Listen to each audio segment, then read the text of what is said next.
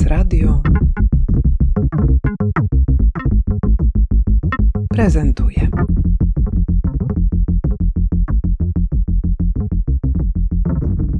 Andrzej Szczerski, dyrektor Muzeum Narodowego w Krakowie, jeden z twórców wystawy Nowy Początek Modernizm w II RP. Ta wystawa pokazuje się e, w bardzo ciekawym momencie. W momencie, w którym no, nie sposób nie myśleć o niej w kontekście tego, w jakiej sytuacji jest dzisiaj Ukraina. Czy tego rodzaju nawiązania już pojawiły się w dyskutowaniu tej wystawy? W chwili, kiedy planowaliśmy organizację wystawy, wiedzieliśmy, że chcemy pokazać także artystów ukraińskich działających w międzywojennej Polsce i planowaliśmy ich stosunkowo szeroką prezentację, zarówno tych, których znamy z pierwszej grupy krakowskiej, ale też tych, których nie pamiętamy dzisiaj tak bardzo, takich twórców jak przede wszystkim Michajło Bojczuk.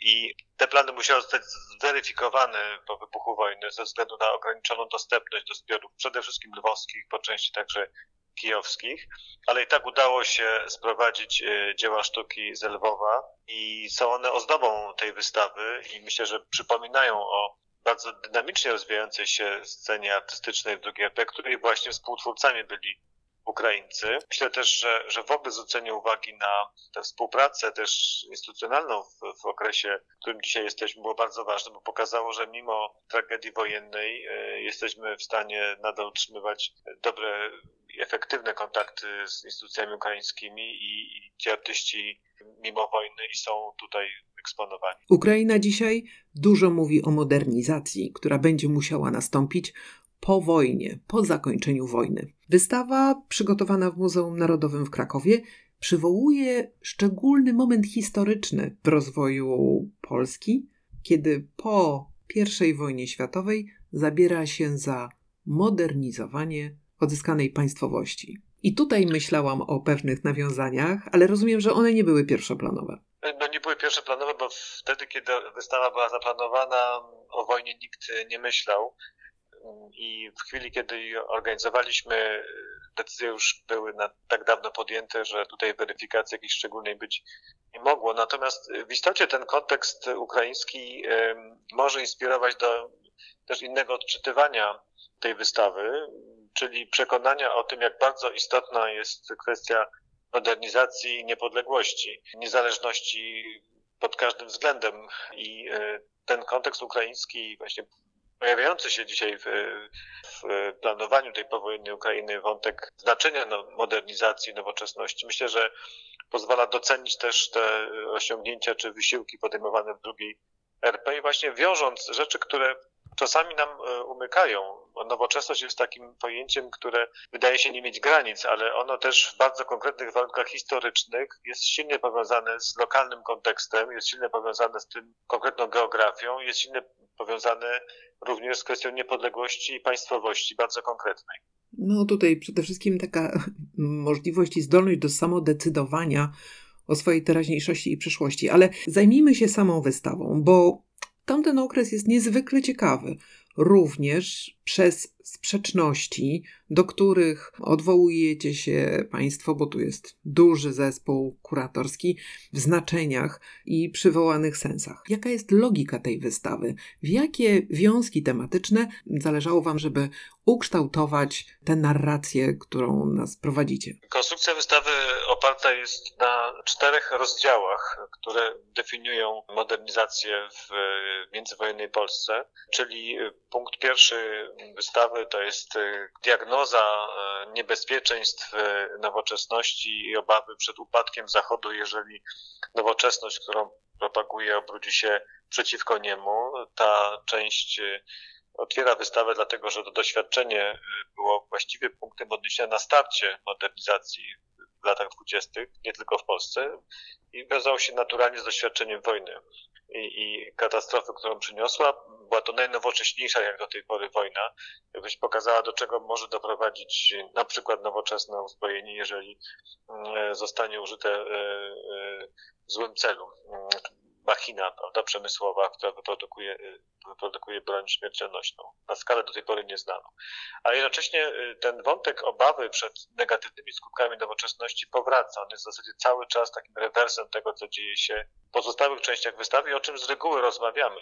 Bo nowoczesność dzisiaj nam się kojarzy y, generalnie rzecz biorąc pozytywnie. Natomiast wtedy widzimy, że napięcia i obawy przed gwałtowną, gwałtowną zmianą jednak były uzasadnione na przykład w, w programach społecznych, które wtedy istniały, w zagrożeniu totalitaryzmami I, i one gdzieś tam są zaznaczone jako punkt stały odniesienia dla, dla procesów modernizacyjnych. Kolejny rozdział wystawy wskazuje na źródła nowoczesności. Tutaj też chcemy pokazać niedocenianą wartość nie tylko osiągnięć e, technicznych, wynalazków czy procesów emancypacyjnych, które generalnie są studiowane, ale też o zapomnianych źródłach nowoczesności, jakim był powrót do mitycznego pierwszego początku sztuki dziecka, sztuki nazywanej wtedy prymitywną, ale też duchowości, mitów słowiańskich, religijności, bardzo zresztą różnie definiowanych, czy duchowości, może to jest lepsze słowo, a więc źródła, które trochę nam się wymykają takiej racjonalistycznej ocenie modernizacji jako czegoś, co jest poddane ścisłemu namysłowi, matematyce, technice, prawom nauk ścisłych. Prawda? Więc to jest kolejna ważna sprawa, która wskazuje też, dlaczego e, nowoczesność tamtych lat była tak e, złożona, a też dlaczego się tak bardzo podobała, bo ona odpowiadała na bardzo różne potrzeby ludzi, często związane chociażby z tym, co eksplorowali surrealiści, czyli z tą sferą podświadomości, poszukiwania pierwotnych mitów. To było bardzo ważne. Kolejny wątek wystawy wskazuje na związek technologii z nowym widzeniem i nowym postrzeganiem ciała człowieka, nowymi aktywnościami, które mają prowadzić do wykształcenia się tego nowego, modernistycznego człowieka, który tworzy mm, społeczeństwo, tworzy wspólnoty, tworzy także nowe państwo. I tutaj zwracamy uwagę na wynalazki techniczne, takie jak radio, ale też film, fotografia, fotomontaż, które zmieniały sposób postrzegania rzeczywistości. Zwracamy uwagę na taką zmianę optyki też patrzenia na świat przez e, docenienie no, podróży lotniczych, które stały się coraz bardziej powszechne, też lotów, planowanych lotów w przestrzeń pozaziemską, czy takich e, kwestii, które są zupełnie z innego rejestru, ale były elementem modernizacji, czyli przede wszystkim procesy edukacyjne. Pokazujemy, że działy się one zarówno na tym poziomie elitarnym, jak i na próbach e, masowej edukacji, zresztą bardzo, bardzo skutecznych. I wreszcie cała kwestia ciała, które jest doskonalone przez wypoczynek, przez sport, przez taniec, przez odkrycie rytmu takiego, który wiąże człowieka z naturą, jest eksploatowany. I to wszystko spinamy w ostatniej części, która jest nazywana przez nas celami. I te cele chcemy wskazać, że były zarówno związane z indywidualną, jednostkową postawą wobec procesów nowoczesności, które na przykład przejawiają się w sposobie urządzania mieszkań, w sposobie ubierania się, ale też budowania procesów społecznych. No i tam jest mowa zarówno o kwestii państwowości, o inwestycjach państwowych, które były takim celem, one wzmacniały istnienie nowego państwa, ale też o całych procesach związanych ze spółdzielczością, które też budowały całe takie zjawiska jak, jak e, osiedla społeczne, czy e, na modelowa, modelowe miasteczko Wieźlisków w Wielkopolsce, które było też takim przykładem modernizacji prowincji polskiej. W kontekście tego jest jeszcze mowa o prezentacji Polski na świecie, na wystawach światowych Paryż 25-37 i Nowy Jork 39, gdzie także chcieliśmy się pokazać jako państwo nowoczesne i jak różne były to nowoczesności, bo ta pierwsza związana z Paryżem 25 to była już inspirowana e, stylem narodowym, warsztatami krakowskimi, a ta ostatnia w Nowym Jorku już kierowała się w stronę takiej monumentalnej formy między historyzmem a, a funkcjonalizmem. Bogactwo treści, wątków i idei. Słuchający nas mogą sobie zadać pytanie: no dobrze, ale w jaki sposób, przez jakiego rodzaju pracę wszystkie te skłębione znaczenia zostały zaprezentowane? Jakiego rodzaju prace i czyje możemy oglądać na wystawie? Istotą tego wyboru, który jest też bardzo wielowątkowy, była niechęć do pokazania jednego dominującego działu czy, czy rodzaju sztuki, który zdefiniowałby całą epokę. W związku z tym mamy bardzo konsekwentnie łączone media takie jak sztuki wizualne i tutaj mówimy zarówno o malarstwie, fotografii, filmie. Za to na tej wystawie na przykład zwrócić uwagę na obecność takich nazwisk jak małżeństwo Temersonów, mamy w pełni zrekonstruowane ich filmy, ale także takich postaci jak Benedykt Jerzy Dorys, fotograf warszawski z lat 20. i 30., z rzadka łączony z problemem nowoczesności. Mamy w pastele Witkacego i obrazy Strzemińskiego, a więc nazwiska bardzo znane, ale też te, które no, chcemy przypomnieć. Ale obok sztuk wizualnych mamy też rzeźbę, która jest bardzo bogato prezentowana, zwłaszcza w dziale poświęconym ciału ludzkiemu. Myślę, że ona jest też jednym z bardziej fascynujących fragmentów tej wystawy. Pokazuje, jak bardzo różnie można było tego nowego człowieka przedstawiać, bo jest tam miejsce jednak Sawarego Dunikowskiego, mamy pracę Marii Jaremy, Alfonsa Karnego, bardzo różne w swoim wyrazie, w swoim wyrazie e, artystycznym. Ponadto znaczącą część wystawy zajmują także prace architektoniczne, przedstawione na podstawie makiet, planów architektonicznych, e, zarówno bardzo efektowne makiety pokazujące na przykład pawilony na powszechnej wystawie krajowej w Poznaniu w 1929 roku, e, rekonstrukcję dworca Strzemińskiego dla Gdyni, ale też może mniej znane obiekty jak budynek ZUS-u w Lwowie, czy projekty Warszawy funkcjonalnej z lat 30. Y, I wreszcie design, który myślę, że na wystawie jest bardzo eksponowany też efektownie i dużym wyborem obiektów, bo są tam zarówno bardzo głośne meble produkowane przez firmę Wschód w Żywcu, ale też mamy rekonstrukcję mebli Meko, mamy projekty krzeseł Kurządkowskiego z kręgu ładu, mamy projekty także e, zupełnie nieznanych, a, a, bardzo fascynujących rzeczy, jak tkaniny z Milanówka jedwabne, które były projektowane i tworzone w takim spółdzielczym trybie. E, myślę też, że bardzo e, ważne jest to ten design taki codzienny. I tutaj taką enklawą będzie z pewnością część poświęcona edukacji, bo jest tam i taka przeciętna ławka szkolna po reformie Jędrzejewiczowskiej wprowadzona, jak i uszyta samodzielnie przez e, absolwentkę jednego z uniwersytetów suknia na obronę doktoratu, która jest takim przykładem zarówno emancypacji kobiet, ale też myślę, że e, takiego, tej oprawy artystycznej tego procesu i takim też samodzielnym, indywidualnym przykładem projektowania takiej naukowej elegancji, która na tej wystawie też ma swoje miejsce. Na początek przyszłego roku zaplanowana została konferencja naukowa, która postawi pytania, na które trudno było odpowiedzieć e, samą wystawą. Co jest celem tej konferencji? Jakiego rodzaju treści będą dyskutowane? Bo wiadomo, że tutaj no, można się nie tylko zafascynować modernizmem, ale także ostro o nim go pokłócić. I ciekawa jestem e, bardzo tego, jakie cele stawia sobie ta część naukowa. Generalnie można powiedzieć, że y, z jednej strony będzie to takie zmierzenie się z podstawowymi kwestiami, czyli z tymi dwoma pojęciami, które na wystawie występują obok siebie, y, czyli nowoczesność i modernizm i chcemy zastanowić się, jak dzisiaj je rozumiemy, jaka jest relacja między nimi, y, co opisują i też zastanowić się nad ich taką polską specyfiką. W tym sensie specyfiką, zobaczcie jak były aplikowane w Polsce w tamtym okresie i dzisiaj. To one robią dzisiaj jeszcze większą karierę i są jeszcze częściej używane niż e, w tamtych latach.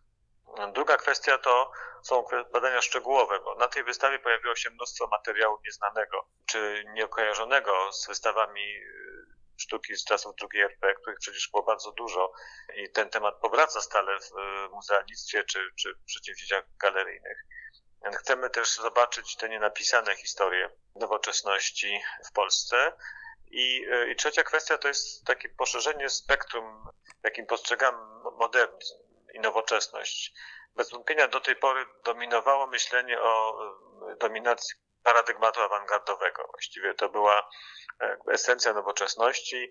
Co więcej, były często przeciwstawiane postawa awangardowa postawie tradycjonalistycznej, która była pokazywana jako niezwiązana z procesem modernizacji.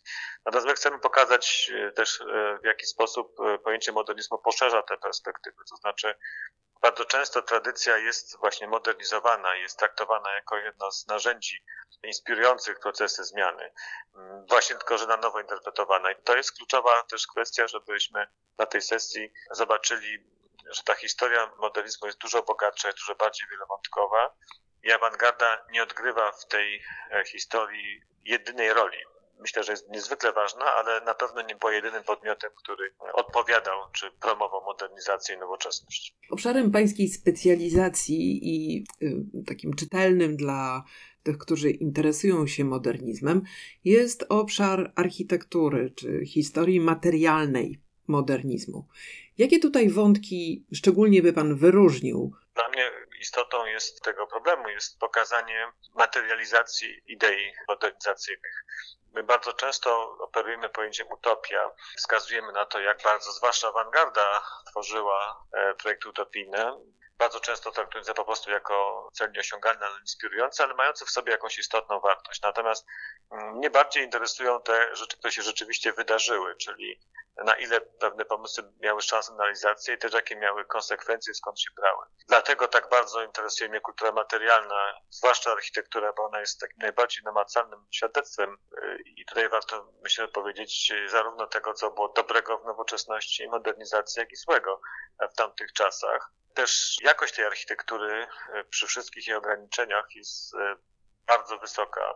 Myślę, że wielu historyków architektury by się zgodziło ze mną, że to jest najlepszy e, fragment architektury polskiej XX wieku, biorąc pod uwagę różnego rodzaju wskaźniki czy, czy sposoby oceny architektury. I co więcej, właśnie w tym kontekście zwrócenie uwagi na wartość designu, kreacji wnętrza, tej codzienności nowoczesnej, to są rzeczy, które mnie szczególnie interesują. I na wystawie jest mnóstwo takich elementów, które odnoszą się do, e, do tak rozumianej nowoczesności, właśnie nie utopijnej, ale realnie zrealizowanej.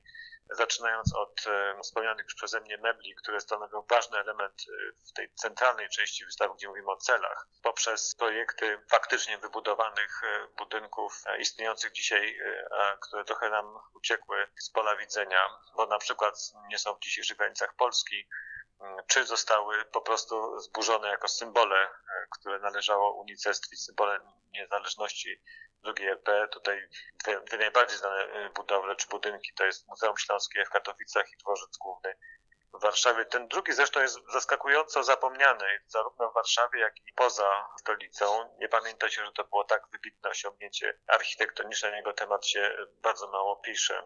Bardzo ważny jest też dla mnie ten fragment wystawy, gdzie ta praktyczna, codzienna nowoczesność rzeczywiście trafia pod strzechy i tam projekty bardzo zwyczajnych elementów wyposażenia wnętrz są ważne. E, ważna jest e, biblioteczka obwoźna, która e, miała służyć edukacji szerokich mas, tych, które uczono dopiero czytać zresztą w tamtym okresie i tutaj te, te, te projekty były bardzo, bardzo istotne. W tym kontekście też na tej wystawie cieszę się z części, która dotyczy nowych środków przekazu, radia zwłaszcza, które wtedy stawało się coraz bardziej takim demokratycznym narzędziem komunikacji. A więc ta zrealizowana nowoczesność y, to jest dla mnie e, taki kluczowy fragment tej wystawy. Interesującym wątkiem mm, jest różnorodność, i tu kilka razy podkreślił Pan istotność tej różnorodności w modernizmie, którym możemy obejrzeć dzięki tej wystawie. Jak w takim razie moglibyśmy tę różnorodność, którą modernizm wykształcił, przetłumaczyć na dzisiejsze czasy? Co z tego modernizmu dzisiaj jest nam naprawdę bardzo potrzebne? Z pewnością e, e, wiele e, rzeczy, zaczynając od może pewnej podstawowej wartości, która, którą tamte lata nam pozostawiły, czyli na temat takiej zgody na nowoczesność i wartość jej promowania przez dwa podmioty, czyli z jednej strony władze centralne, państwowe, samorządowe, czyli narzędzia, które wykształca niezależne państwo i ma nad nimi pełną kontrolę, ale z drugiej na inspirację procesami modernizacyjnymi, które nazwalibyśmy tymi od dołu czy oddolnymi, których symbolem będzie międzywojenna spółdzielczość, przede wszystkim różnego rodzaju organizacje branżowe, które powodowały, że ten proces modernizacji dotyczył nie tylko ośrodków centralnych, ale także prowincji. Oczywiście możemy mówić o skali, bo ona była wtedy ograniczona, ale dzisiaj mamy zupełnie inne możliwości. Jesteśmy no, nieporównanie bogatszym państwem i społeczeństwem i możemy sobie na takie procesy na skalę wówczas niewyobrażalną pozwolić. Druga kwestia to już poniekąd tutaj zauważona przed chwilką, czyli, czyli to przekonanie, że nowoczesność ma się dziać nie tylko w centrach, ale także na prowincji, że użyjemy tego, tego podziału. Na wystawie jest mnóstwo takich przykładów tego, jak ważne były ośrodki peryferyjne, małe miasta, rozwój turystyki na prowincji, ale też właśnie na przykład procesy edukacyjne, które docierały poza, poza centra wielkomiejskie. Kolejna kwestia to jest przekonanie, że nowoczesność w jakimś sensie nie, nie do zaprogramowania, to znaczy nie da się wymyślić jakiegoś jednego wzorca abstrakcyjnie, który potem się implementuje siłą bądź perswazją e, taką czy inną e, na dużą skalę, tylko trzeba zastanowić się, zobaczyć, jakie procesy, jakie siły społeczne, jakie tradycje kulturowe przede wszystkim e, są ważne dla danego społeczeństwa i je wykorzystać w celach modernizacyjnych, bo wielokrotnie to, co okazuje się być z perspektywy takiej globalnej historii nowoczesności no, istotnym elementem czy kluczowym dla modernizacji, w różnych konkretnych przykładach się zupełnie nie, nie spełnia. Myślę tutaj o roli takich struktur, które w Polsce były silniejsze niż gdziekolwiek indziej w Europie, czyli na przykład struktury kościelne, ale też e, Kościoła katolickiego, e, ale też na przykład organizacje społeczne. Myślę, że Polska była pod tym względem fenomenem na skalę europejską, jak bardzo spółdzielczość była ważna, jak, jakie osiągała sukcesy. A wreszcie jest coś, co zaczynamy powoli w Polsce chyba dostrzegać, że nasza, nasza codzienność się zmienia. Jest wokół nas wracamy do porządku naszej rozmowy, coraz więcej e, Ukraińców, oni są właściwie częścią z polskiego społeczeństwa i ta wystawa też pokazuje, jak bardzo ta narodność etniczna wtedy w Polsce była właściwie może nazwijmy punktów odniesienia dla, dla promowania nowoczesności. Dlaczego? Bo nowoczesność była właśnie tym, z czym bardzo wiele grup etnicznych mogło się utożsamiać. I to było też narzędzie e, jednoczenia społeczeństwa, bardzo różnych jego grup. I to też mi się wydaje, że dzisiaj Polsce, y, w której mam bardzo silne podziały społeczne, jednym z takich podstawowych i być może najważniejszych pól, na którym możemy próbować łączyć wysiłki, to jest właśnie proces modernizacji, bo wokół tego, że warto być nowoczesnym, myślę, że zdecydowana większość Polaków byłaby się w stanie podpisać. Dzisiaj na wiek XX, a zwłaszcza na modernizm i tworzenie nowoczesności dwudziestowiecznej, patrzy się jako źródła kłopotów i nieszczęść, z którymi dzisiaj musimy się mierzyć. Nadmierna industrializacja, nadużywanie bezrefleksyjne zdobyczy cywilizacyjnych. To wszystko dzisiaj jawi się jako trudny orzech do zgryzienia dla żyjących już dzisiaj pokoleń i wszystkich następnych.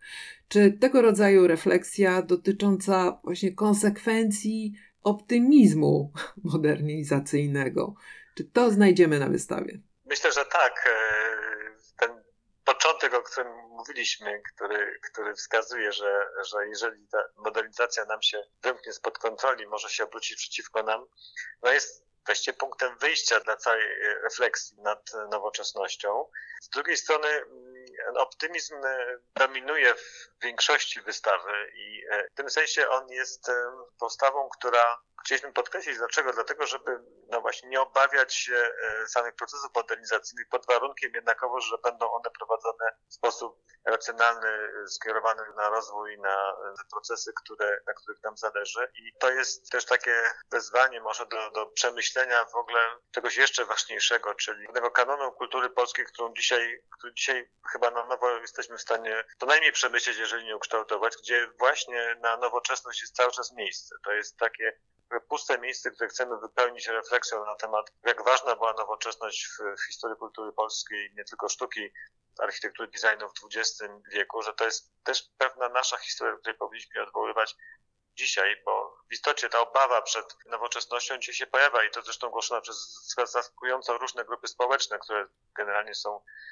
nawet na przeciwstawnych biegunach ideowych, a wspólnie mogą się obawiać nowoczesności, czy to przez jej efekty środowisko wpływające, czy na przykład na, na tradycyjne formy życia społecznego, a jednak warto zobaczyć, że ta historia jest też naszą historią i że ona się nam po prostu udała i, i dzisiaj nie warto się jej obawiać, tylko patrzeć na dobre wzory z przeszłości i ją kontynuować. W takim razie do kiedy można odwiedzać wystawę? Wystawę można odwiedzać do 12 lutego przyszłego roku. No to jest dużo czasu. Tak, czasu jest jeszcze dużo. na refleksję, no i na to, żeby wejść w dyskusję. Bardzo panu dziękuję za rozmowę. Dziękuję, zapraszam na wystawę.